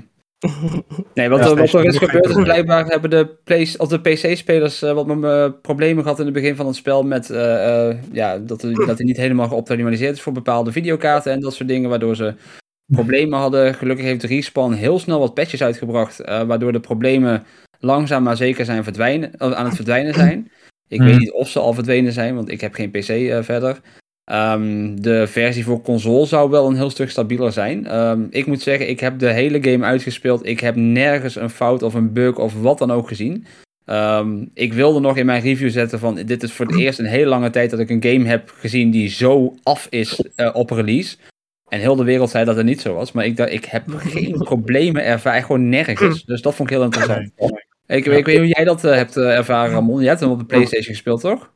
Klopt, ja, nee, eh, tot nu toe eigenlijk nul eh, crashes of bugs of wat dan ook. Eigenlijk eh, prima. Ik heb het niet uitgespeeld nog, maar tot nu toe ging alles goed. Geen klachten. Jij, Mark? Hey, Ik heb één of twee keer eh, ben ik eruit geknikkerd in die 30 uur. Oké. En eh, dat ik zo'n fout rapport eh, toestand kreeg, zeg maar. Maar ja, goed, dat, dat viel me gewoon veel mee. Voor een game die net uit is. Ja. Ja. Mijn grootste, nou, klacht is een groot woord. Mijn grootste ding was, is dat eh, de download van de game neemt ongeveer 40% van mijn hele PlayStation 5 in beslag, geloof ik. Ja, het is wel groot. Jezus, wat is die game groot. Nooit zo'n grote game, ja. Terwijl het niet een hele lange game is. Dat, is, dat beangstigt mij voor de volgende Assassin's Creed bijvoorbeeld. Hoe groot is die game? 155 gigabyte. Ja, dat bedoel ik. Jezus. Het mooie is, als je hem op de Xbox Series S downloadde eh, tijdens de release, was hij net over de 40 gigabyte. En dat is natuurlijk een console die in HD speelt en niet op 4K en, en eh, geen HDR en al die dingen heeft. Dus dan zie je meteen hoeveel er na optimalisatie van beeld gaat tegenwoordig en hogere textures en dat soort spul. Ja. Eh, ehm, dus eh, dat is gewoon 100 gig bijna blijkbaar. Ja, gigantisch. Eh, kijk, even vergelijken. eh, de laatste Assassin's Creed game, daar ben ik nog steeds niet klaar mee, Valhalla. eh was geloof ik 70 gig ongeveer. En eh Hogwarts ook. Die is nog Red wel Dead eens- Redemption was wel 110 en dat was echt al een ziek grote game. Mhm. Ja. Ja, maar eh, dat, dat daar gelaten, files, dat, dat, dat is leuk. Wat, wat, vinden we van de game zelf? Ik, ik, ga even bij, ik ga niet bij Quinten eh, beginnen, want ik weet dat Quinten hem niet heeft gespeeld. Dus het is een beetje raar om jou te vragen wat je vindt van het spel. Ramon, wat, wat vind jij daarvan? Nou, Fallen Order heb ik ehm, met ups en downs gespeeld. Ehm, ik vond met name op een gegeven moment dat ik dus... Volgens mij heb ik dit al wel eens verteld. Dat je op een gegeven moment moest backtracken naar mijn schip. Ik was op Cephalo, ik was verdwaald. Heb ik het maar laten zitten. Ik denk, joh, Mhm. het is goed. Ik kap er voor vanavond mee. Ik ga wel een andere keer verder. Dan ga ik wel mijn schip weer vinden.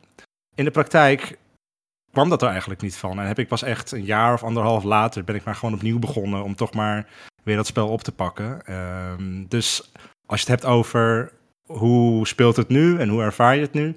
Ik vind het fast travel heel fijn. Ik vind de combat heel fijn. Ik vind het een stuk vloeiender dan in het verleden. Ik vind het hartstikke leuk dat je al die verschillende lightsaber stances hebt. Ik weet dan toevallig, Bas, dat jij vooral met de single-bladed saber hebt gespeeld, zoals in Fallen Order. Ik heb wat meer variatie in sabers. Dat vond ik dan weer leuk. Maar al met al, ik, ik geniet er veel meer van. En ik, ehm, ik, vond het echt, ik vind het echt een topgame. Ja, serieus. Het zit echt En, en fantastisch waar ligt dat dan aan? Dat, dat je er meer van geniet? Waar, waar ligt dat, Dat, dan aan? dat je er sneller doorheen gaat. Dat, dat je wat minder tijd kwijt bent aan bijvoorbeeld teruggaan naar je schip. Of eh, Mhm. de puzzels tot nu toe. Eh, misschien ben ik ook wat slimmer geworden in de afgelopen twee jaar. Ik heb geen idee. Maar ik kom er wat sneller doorheen. Ik ben niet altijd aan het rondkijken. Dat ik op een gegeven moment de neiging heb om een walkthrough op te zoeken. Van god, wat moet ik nou in godsnaam met die ballen doen?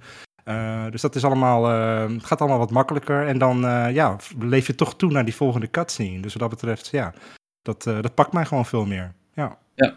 Mark? nou ja, ik heb hem uitgespeeld. En dat is volgens mij voor het eerst in mijn leven dat ik een game binnen een week of anderhalf na release volledig heb gespeeld. Qua story mode. En dat, is, dat zegt mij wel iets. Eh, ik bedoel, ten eerste, daar maak je dan tijd voor blijkbaar. En ten tweede, eh, dat, is, ja, dat, dat lukt gewoon normaal gesproken niet. Omdat ik, blijf gewoon, ik bleef gewoon echt in hangen. Ik wilde gewoon weten hoe het verhaal verder ging. Eh, en ik ben geen fanatieke gamer-gamer. Ik, wil, ik vind het niet fijn als een game te moeilijk is. En wat deze game heel erg heeft, is dat je ervoor kan kiezen om het niet moeilijk te laten zijn door story mode te gebruiken. Dus dat heb ik ook gedaan. Want ik geloof het wel met het vechten met poppetjes en tegenstanders. Daar wil ik niet te veel tijd aan besteden, snap je? Ik, Ja. ik wil juist genieten van het ontdekken en de omgeving, het verhaal, en de easter eggs. Dat vind ik allemaal leuk. Eh, maar ik ben niet eh, van... eh, je moet mij ook niet loslaten in een online Call of Duty of een Fortnite-achtige setting. Dan ren ik gillend weg. Ja. Dus, dus ik kan de game spelen op een manier die voor mij tijdsefficiënt is. En waarbij ik toch alles kan beleven. En, en als completist van ik wil alle trofeeën hebben, om, om een of andere vage reden wil ik dat graag. Eh, is, dat, is er ook niet een eh oh, speel hem uit op ultra moeilijk eh, trofee? Eh, dus daar word ik ook heel blij van. Dus in, het voldoet eigenlijk aan alle randvoorwaarden. Eh, plus dat het gewoon eh, onwijs mooi grafisch is. En ik eh, tijdens het WK een nieuwe tv heb gekocht die achterlijk groot is. Ja, ik wil veel meer midden in een game zitten dan dit wordt het niet, zeg maar. Ik vind het mooi dat je zegt dat, dat je deze game kan spelen zoals jij het wil. Ehm, vanuit mijn werk ben ik heel veel bezig met eh, ehm, technologie om eh, de wereld toegankelijker te maken voor mensen die daar moeite mee hebben, dus beperking hebben. Ik was ook echt oprecht heel erg blij met dat deze game opstart met accessibility opties meteen. Van hoe wil je de game spelen, maar ook wat wil je dat we aanpassen om voor jou de game makkelijker te maken. Of niet makkelijker als in het spel is makkelijker, maar dat jij het met een beperking misschien kan spelen. Ehm, daar worden momenteel zoveel stappen ingenomen in de game-industrie om maar meer mensen die verhalen te kunnen laten ervaren. Ik, ik, ik, het is al, ik, ik heb er zelf niks aan gedaan, maar het is altijd zo'n trots momentje als ik zie dat dat zo hoog in het vaandel en dat zo'n game daarmee opstart. Dat vind ik echt fantastisch. Ik heb van de week trouwens ook een filmpje gezien dat de, de nieuwe eh, Forza bijvoorbeeld, die wordt helemaal speelbaar voor blinde mensen. Eh, daar hebben ze dingen met audio gedaan, eh, getest op blinde mensen. En die mensen kunnen gewoon een hele race rijden, binnen de strepen blijven, niet eh, eruit vliegen. Puur door de manier waarop ze met geluid en, en eh, feedback en de controle bezig zijn geweest. Ik vind dat fantastisch. En hier Ik zou er echt een filmpje van willen zien. ik eh, kan het naar je toesturen, het staat gewoon op YouTube. Ehm, maar wat ze hier in de game doen is bijvoorbeeld dat de, de, de, de manier van... eh, de- het is natuurlijk niet een, een spel waarin je hakt, hakt, hakt, hakt, hakt met je lichtzout, want dan, dat, dat kan. Maar dan haal je echt 2% van de game eruit, denk ik. Het is een spel waarin je oplet op hoe je vijand aanvalt. eh, die wil je parryen, dus zijn aanval tegenhouden, terugslaan, dat soort dingen. Daar kun je dingen in aanpassen met kleurfilters, met dat die tijd om terug te slaan lang is, voor als je zelf wat beperkter bent in eh, je handen eh, bijvoorbeeld. Je kunt zoveel dingen aanpassen om het voor iedereen speelbaar te krijgen. En ik denk dat dat ook het toegankelijke van het Star Wars-universum wat we momenteel hebben. Want we noemden net Young Jedi Adventures al. Het is gewoon een, weer een nog toegankelijke manier om Star Wars in te stappen. En deze game is natuurlijk niet voor die doelgroep van Young Jedi Adventures. Want je gaat niet een kind van vier dit laten spelen. Ehm, maar het wordt zoveel beter opgezet voor mensen die normaal niet zulke spellen kunnen spelen. En daar, daar, ik vind echt persoonlijk dat Respawn daar echt heel veel hulde voor mag krijgen. Ehm, en ook dat ze hebben aangekondigd van we zijn nog steeds bezig om nog meer functies toe te voegen voor nog meer mensen aan te kunnen trekken die ook met beperkingen eh, dit spel gewoon kunnen gaan spelen. Dus dat vanuit mijn punt was dat al meteen bij de opening van punten gescoord, die zijn winnen. Dan had ik het spel niet eens gespeeld. dus ja, ik, ja, klinkt misschien stom, maar eh, heb je dus eh, zoiets van ik wil Jedi eh, Survivor spelen, maar ik heb moeite met snelle spelletjes of dat soort dingen. Daar is hij echt, echt in aan te passen, want hij is gewoon toegankelijk voor iedereen wat dat betreft. Ja. Ehm, we gaan het dus niet over het verhaal hebben hier, ehm, want we willen geen spoilers de wereld in slingen, ook omdat natuurlijk Ramon hem nog niet heeft uitgespeeld. Wat heel moeilijk is, want dit is, Ramon. Dit is echt een hele verhalende game en ze doen verhalend hele interessante dingen. Ja. Maar wat geen spoiler is, want dat zagen we in de trailer natuurlijk al, de High Republic zit er best wel in. Nou, ja, dan zeg je wat. hoe? Wauw. En hoe? Toen ik zat te spelen dacht ik echt van, goh, Young Jedi Adventures zou het eerste visuele van de High Republic zijn. Ah. En net een paar dagen voor die release dacht Jedi Survivor, hold my beer. Ja, precies. ja, ja. wat wat vinden jullie van die link naar de High Republic? Eh, eh, Want het is iets, eh, het past heel erg goed in dit spel. Terwijl het eigenlijk niet hoort te passen of zo. Ik vind het heel slim vooral. Ten eerste hoe ze het gedaan hebben, omdat het gewoon inderdaad heel goed past op alle manieren in het verhaal. Omdat je meer High Republic überhaupt wil pushen in de, in de marketing van, van Disney naar de toekomst toe. Met wat er allemaal nog aankomt met eh, de Acolyte en dergelijke. Eh, dus ik vind het vooral een hele slimme, strategisch gezien, hele slimme zet. Eh, Mhm. En ik vond het ook gewoon heel erg leuk en mooi uitgewerkt. Dus, dus een win-win dit, in alle opzichten. Ik, Ja. ik heb het... Ga je gang, Ramon. Nou, wat ik wil zeggen is dat ik het ook wel eh, moedig vind ergens. Ik bedoel, van alle soorten characters die je zou kunnen, waar je iets mee zou kunnen doen, eh, die je terug kan brengen of die uit sta- stasis moeten komen of wat dan ook. Neem eens een character uit dat tijdperk. Kijk, als we het even loszien van de Star Wars fans, als we gewoon even kijken naar gamers in het algemeen. Gamers die eh, hè, misschien Dark Souls-achtige games leuk vinden, die dan daardoor ook Jedi Fallen Order, Jedi Survivor gaan proberen. Niet per se Star Wars fan zijn, maar het op zich wel grappig vinden om met zo'n lightsaber en die Force powers rond te spelen. Ja, die, die, die hebben misschien wel eens een Star Wars film gezien, maar die spelen dit. En die denken, waar gaat dit over? Waar, wat, wat is dit? Ehm, dus je, je moet ook wel, nou ja, toevallig, ik las, ik las een comment van Xander in de Discord. Die zei: Ik heb zelf niet zo heel veel met de High Republic. Dus voor mij is het verhaal nu al een soort van min 1 ten opzichte van Fallen Order. Nou, oké, dat kan een keuze zijn. Maar dat zegt ook wel iets over dat op het moment dat je er dan voor kiest om met zo'n karakter uit zo'n tijdperk dat in zo'n game te stoppen, wat, wat een veel groter publiek heeft dan de High Republic boeken hebben. Dat, uh, dat vraagt wel wat moed, denk ik. Dat vind ik wel tof dat ze dat, uh, dat ze dat hebben gedaan. Ja. Wat, wat ik zelf heel knap vind, is dat ze de High Republic koppelen aan het nu. Maar dat ze ook hier en daar linkjes hebben met wat er nu op Disney Plus uh, gebeurt. Mm. En ik ben nu heel erg mijn woorden zorgvuldig aan het kiezen, want ik weet natuurlijk niet hoe ver Ramon is. En ik wil echt niks voor hem verpesten. Oh. Um, maar wij ja. hebben bijvoorbeeld ooit uh, in de podcast, heb ik ooit een vraag gesteld over een aflevering van Obi-Wan. Um, ja, echt dat, hè? Dat is zo vet. En, sorry. Stond, ik, dat hadden we die muur met die namen van die Jedi's. En toen had ik, zei, zei ik van welke characters uit een game staan op die muur. En daar stond dus Seer en Cordova. Ja, ja, ja, en nu snap ik waarom die namen op die muur staan. Dat, dat zijn dingen die dus toen al in die serie zaten. En nu wordt het op een gegeven moment denk ik van... Ah... Maar ik dacht echt in het begin, we gaan een High Republic verhaal krijgen. Maar het heeft dus ook gewoon linkjes met Star Wars nu. En wat ik... Um, daarnaast ook echt, echt heel, en dat heb ik ook in mijn uh, hele uitgebreide review op Star Wars Awakens neergezet. Waar je in deel 1 vooral vocht tegen stormtroopers, vecht je nu ook tegen droids. Uh, battle droids. Uh, dus, dus het is nu echt, ook qua vijanden, een perfecte brug tussen episode 3 en 4. Want je hebt nu van beide kanten de vijanden zitten, zeg maar. Dus Jedi Survivor speelt zich natuurlijk tussen 3 en 4 af. Het speelt zich letterlijk in dezelfde tijdsgeest af als de Obi-Wan-serie, in hetzelfde jaar. Dus haal daaruit wat je eruit wil halen. Uh, mm-hmm. Maar je, je, hebt nog battle droids, maar je hebt ook stormtroopers. En ik denk dat het daarmee zo mooi die, de prequel en de originele trilogie aan elkaar verbindt. Maar niet op een manier van wij gaan die prequels en de, de normale trilogie aan elkaar verbinden. Het doet het op zo'n doordachte, slimme manier. Dat je denkt van ja, dit klopt gewoon. Ook al waren alle battle droids al uitgeschakeld op dit moment. Het klopt gewoon in het verhaal. En het verhaal voelt voor mij echt doordacht aan. Um, ik denk dat de High Republic is er niet zomaar bijgetrokken van dan noemen we maar de High Republic, want daar kunnen we geld mee verdienen. Het, het klopt. En uh, ik denk dat dat een, een heel mooi uh, ding is wat Respawn hier doet. Uh, met, met deel 1 hadden ze natuurlijk alle vrijheid. En nu hebben ze dat niet meer. Want Cal is een gevestigd personage. De High Republic is gevestigd. Disney Plus is gevestigd. En toch weten ze een verhaal te vertellen wat alles logisch samenbrengt. En dat is heel knap. Dat is echt heel knap. Mm, ja, ja, er zat wel één verhaalelement in waarvan ik dacht, hmm, uh, ik weet niet of ik het daarmee eens ben of dat het zou moeten kunnen, maar dat kan ik niet echt behandelen zonder het uh, volledig te spoileren. Dus dan moeten we er maar op een later moment uh, op doorhakken. andere dingen die wel heel tof zijn, zijn de, de, verschillende wapens die je allemaal kan gebruiken. Bijvoorbeeld, weet je wel, de vier, vijf verschillende stances met, met lightsabers, dual wield, double bladed. Uh, de crossguard van Kylo Ren, maar dan op zijn High Republics. Uh, eentje met zelfs een pistool, wat helemaal raar is trouwens.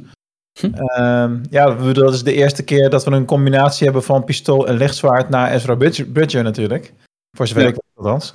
Uh, dus, dus het was gewoon lekker gevarieerd. Ehm, wat ik wel opvallend vond, ik was er heel snel doorheen voor mijn doen. Dus ik dacht, huh, ben ik al klaar? Weet je wel? maar ook, ik had meer verwacht qua planeten of zo. Ik bedoel, alle, alle lof voor deze game, maar ik had echt iets van, huh? Is zijn dit alle locaties? Echt? Oh, oké. Okay. Dat, dat vond ik wel een, een, minnetje. Als dan toch iets moet doen. Ongeveer hoeveel locaties hebben die het dan? Ja, Meer dan vijf? Of, uh... Ja, iets, iets, van vijf, ja. 1, 2, 3, 4, 5 volgens mij zo in mijn hoofd, ja. ja. Dat is wel een beetje wat deel 1 ook had. Alleen de locaties zijn hier natuurlijk wel een heel stuk uitgebreider. En vooral Kobo is echt gigantisch. Ja, ik ben, ik ben sinds ik de game uh, heb beëindigd, zeg maar, en uh, de Galaxy aan het exploren ben, ben ik nog niet van Kobo afgegaan. Daar nee, zit ik, ook niet. Daar zit ik nu nog steeds. Ja, dat... en nog steeds staat die teller op uh, 69% gezien pas. Op de ene oh, nice. 70. Ja.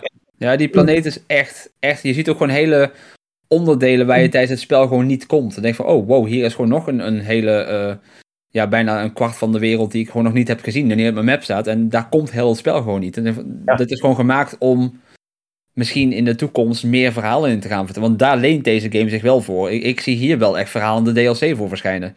Deel 1 heeft dat natuurlijk niet echt gehad, maar er moet een reden zijn waarom Kobo zo gigantisch groot is. Dat is echt niet gedaan om, uh, we gaan hier een kistje verstoppen en daar een scan en, en hier ligt een echo. Dat, dat, dat geloof ik niet. Hmm, interessant. En ik denk dat het, ik, nogmaals, ik bijt echt op mijn lippen om niks verhaal tekst te maar ik denk dat het einde van het verhaal zich ook echt heel erg leent voor meer. En kijk, we gaan sowieso een, een deel 3 krijgen. Dat is al bevestigd uh, tussen neus en lippen door. Dat, dat is prima. Maar ik denk dat het best, uh, voor, voordat deel 3 verschijnt, dat ze ons best nog wel DLC kunnen gaan brengen. Ik heb toch wel een vraag, Bas. Hoe heb jij het ervaren qua verhaal aan het begin? Want eh, ik ben tegelijkertijd begonnen met het spelen van de game naar het luisteren uh, naar het boek. Wat dus eigenlijk zich voor, in de jaren voordat de game begint, zeg maar, zich, zich afspeelt. en ja, goed, ik zal niet al te veel daarover zeggen inhoudelijk, maar het komt erop neer dat hij met een andere crew werkt. En in de game gaat het wel anders, zeg maar. Ja. ik had wel af en toe het gevoel aan het begin van, ik heb het boek nog niet uit en kak, ik mis daardoor nu iets. Of ik zie ergens een logica niet die er, die er wel is. Um, ik denk dat het boek niet noodzakelijk is voor het Hmm. verhaal. Uh, maar het legt wel dingen uit die voor wat meer diepgang uh, uh, zorgen. Dus bijvoorbeeld Grease, of, Grease heeft natuurlijk een, een metalen arm nu ineens. Dat wordt verklaard in het boek. De relatie tussen de crew en waarom ze uit elkaar zijn, dat is misschien een beetje te ontleden uit. Dus het, is niet dat het boek die antwoorden geeft, um, maar het, het, het, diept het wat meer uit. Um, is het boek essentieel? Nee, totaal niet. Want dit is gewoon een prima op zichzelf staand verhaal. En wat je moet weten, uh, laat het spel je ook weten. En ook wat je uit Jedi Fallen Order moet weten. Het spel begint letterlijk met een echt super mooie video die in een paar minuten ja? even deel 1 samenvat. Wat echt fantastisch mooi in elkaar zat.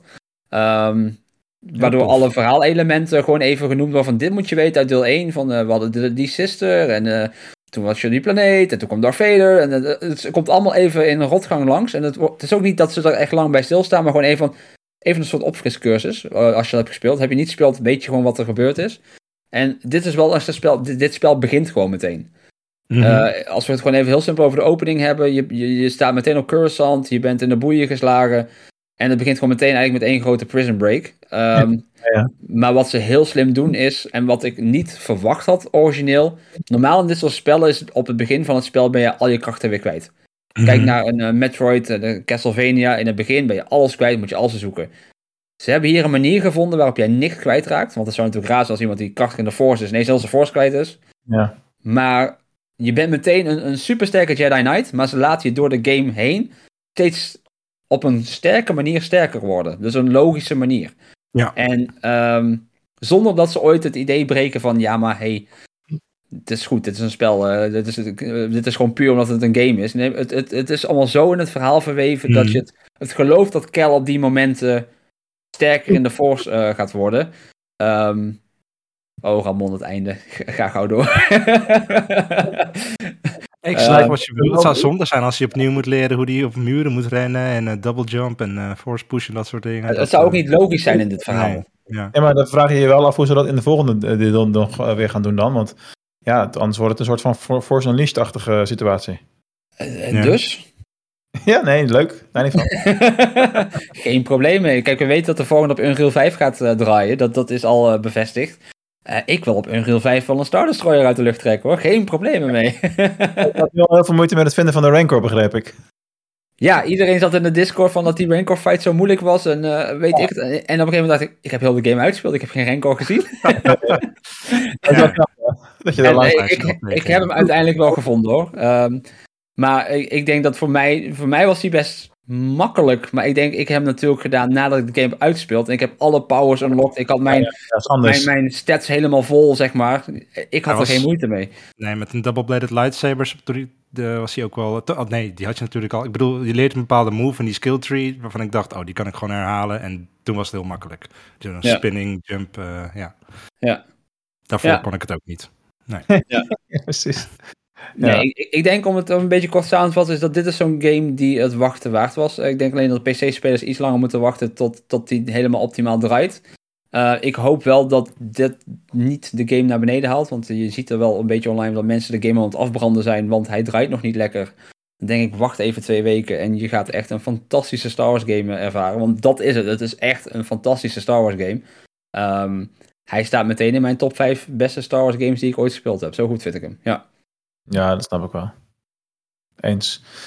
Alright, nou, we kunnen hier uh, nog uren over doorlullen, maar we zijn alweer anderhalf uur bezig. Dus ik stel voor dat we doorgaan naar uh, een aantal ingestuurde vragen die we ook hebben gekregen inmiddels. En dan ga ik eventjes die vragen erbij halen.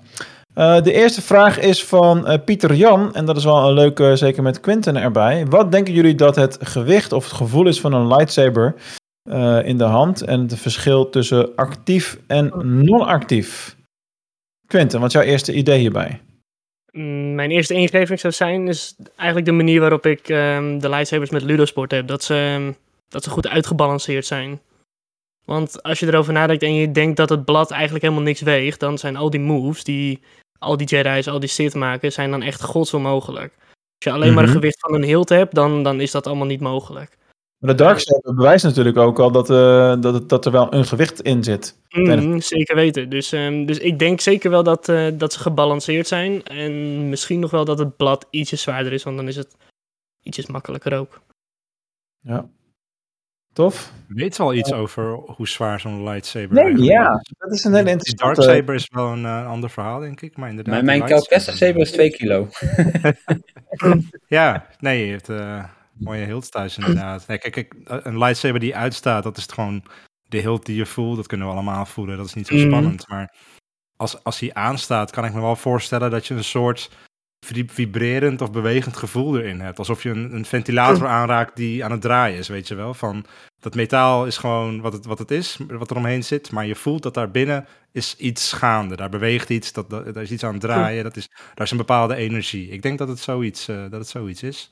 Zo stel ik het Ook voor. niet ondenkelijk. Ook niet ondenkelijk. Er komt natuurlijk een gigantische kracht naar buiten, dus dat, dat, dat moet voelbaar zijn, ja. Het is zo mooi hoe we filosoferen over iets wat technisch gezien niet op die manier bestaat. Ja, het, kan nooit, lichtzwaard, hè? Maar, het maar kan nooit zwaar zijn, anders heet het geen lichtzwaard. Oh, pun. Heftig. Nou, mooi, uh, mooi uh, einde van het antwoord. Uh, ik heb nog een tweede vraag die ingestuurd is, voordat we naar de 20 questions kunnen gaan. ingestuurde vraag van Henry.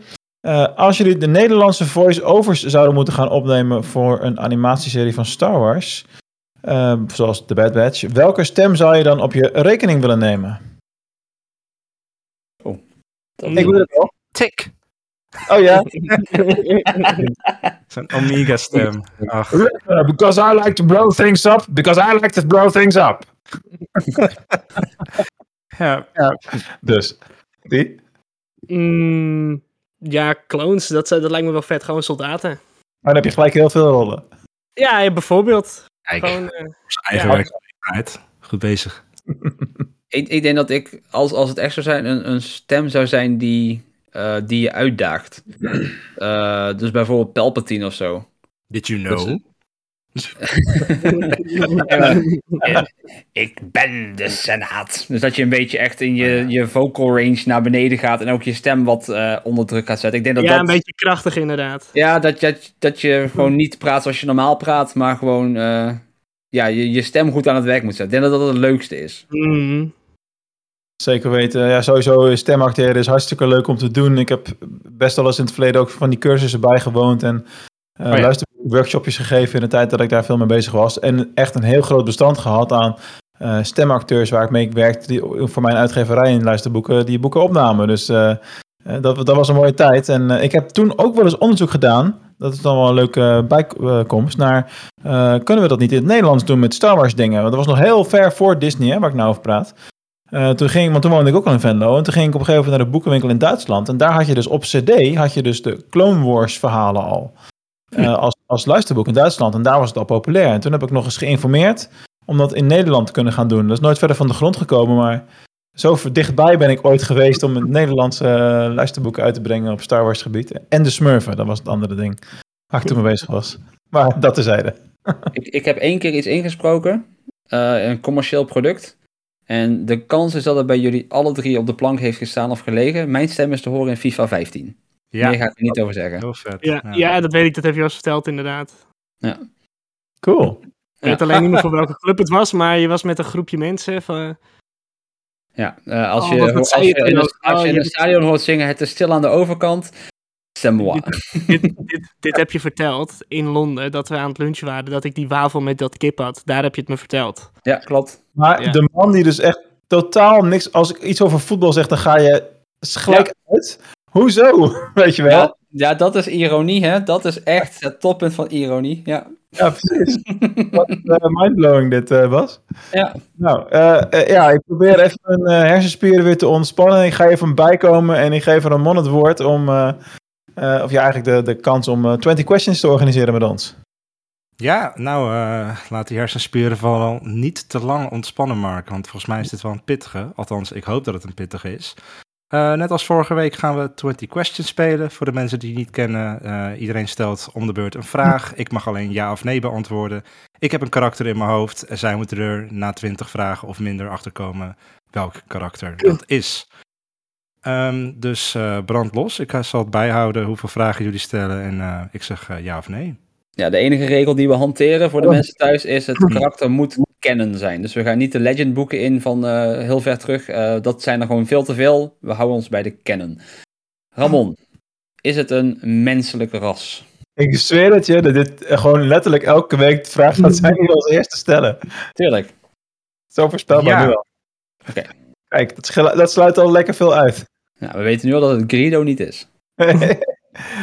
Eh, is het een mens? Is het, eh, is het een man? Mannelijk geslacht, ja. Interessant dat hij daarover na moet denken. Ja, Dat vind ik heel interessant. mannelijk geslacht. Speelt het in een van de films? Sorry, wat is je vraag, Quinn? Speelt het karakter in een film van Star Nee. Wars? Oeh. Zijn we dit karakter al tegengekomen op Disney+. Plus? Alles staat op Disney Plus. Wat bedoel je? Nou, ja, het kan ook uit een comic of een game of een eh, boek zijn natuurlijk. Oh, dus zo. ik bedoel de, de, de, de series. We weten dat het niet in een film zit. Dus is er iets op Disney Plus te vinden waar dit karakter in zit? Ja. Oké. Ja, maar ja, nu kunnen we natuurlijk al die series gaan vragen, maar dan wordt het Ja. ook niet. Dan wordt het Nou, niet- laat, laten we eerst onderscheiden. Is het karakter van oorsprong geanimeerd? Oh ja. Ja. Oké, dus het komt uit een animated series origineel. Dus dat betekent dat we geen Anakin, Obi-Wan en dat soort dingen meer hoeven te doen. Want die Is hebben het... karakter, eh, heeft het karakter ook de jump gemaakt naar live action? Goeie. Nee. Oké, dus het pure animatie. Oké. Puur animatie. Hmm. Dus, heeft, eh, heeft dit karakter, beschikt hij over de Force? scherpe vraag. Nee. Ze hebben een menselijke man, ish, uit een animatieserie Zonder de Force? zonder de Force. Hoeveel vragen hebben we hier gesteld? Oké, Ja. We zitten nu op 7. dan hebben we nog twaalf vragen te gaan. Karakter onderdeel van de Empire. Nee. Dat sluit ook alweer een heleboel mannen uit. Want die hebben vooral blanke mannen, hè? De, de Empire. Dat is wel een dingetje. Ja. Komt dit karakter origineel uit de Clone Wars? Ja. Dat is ook een grote serie hoor. Best wel slecht. Ik heb deze serie echt eergisteren Ik zit, afgerond. ik zit een beetje te denken aan, aan General Yularen of zo dan. Nee, dat kan niet, want het was geen Empire. Dat, dat is ook geen Empire. Die, Yularen- die die werd, die werd, eh, ja, maar die Ja. komt natuurlijk origineel wel uit de films. Ja, Nevermind. Die is te zien in, in de live action. Had deze karakter een militaire rang? Nee. Nou, dan vallen ook alle clones meteen af. Dat scheelt. Ja, echt zo. Dat Ja, die precies. dat zijn er heel Miljoenen karakters die Dat vallen echt, ja. ja. Als het uit de Clone Wars komt, we weten het is geen Anakin, geen Obi-Wan, geen clone.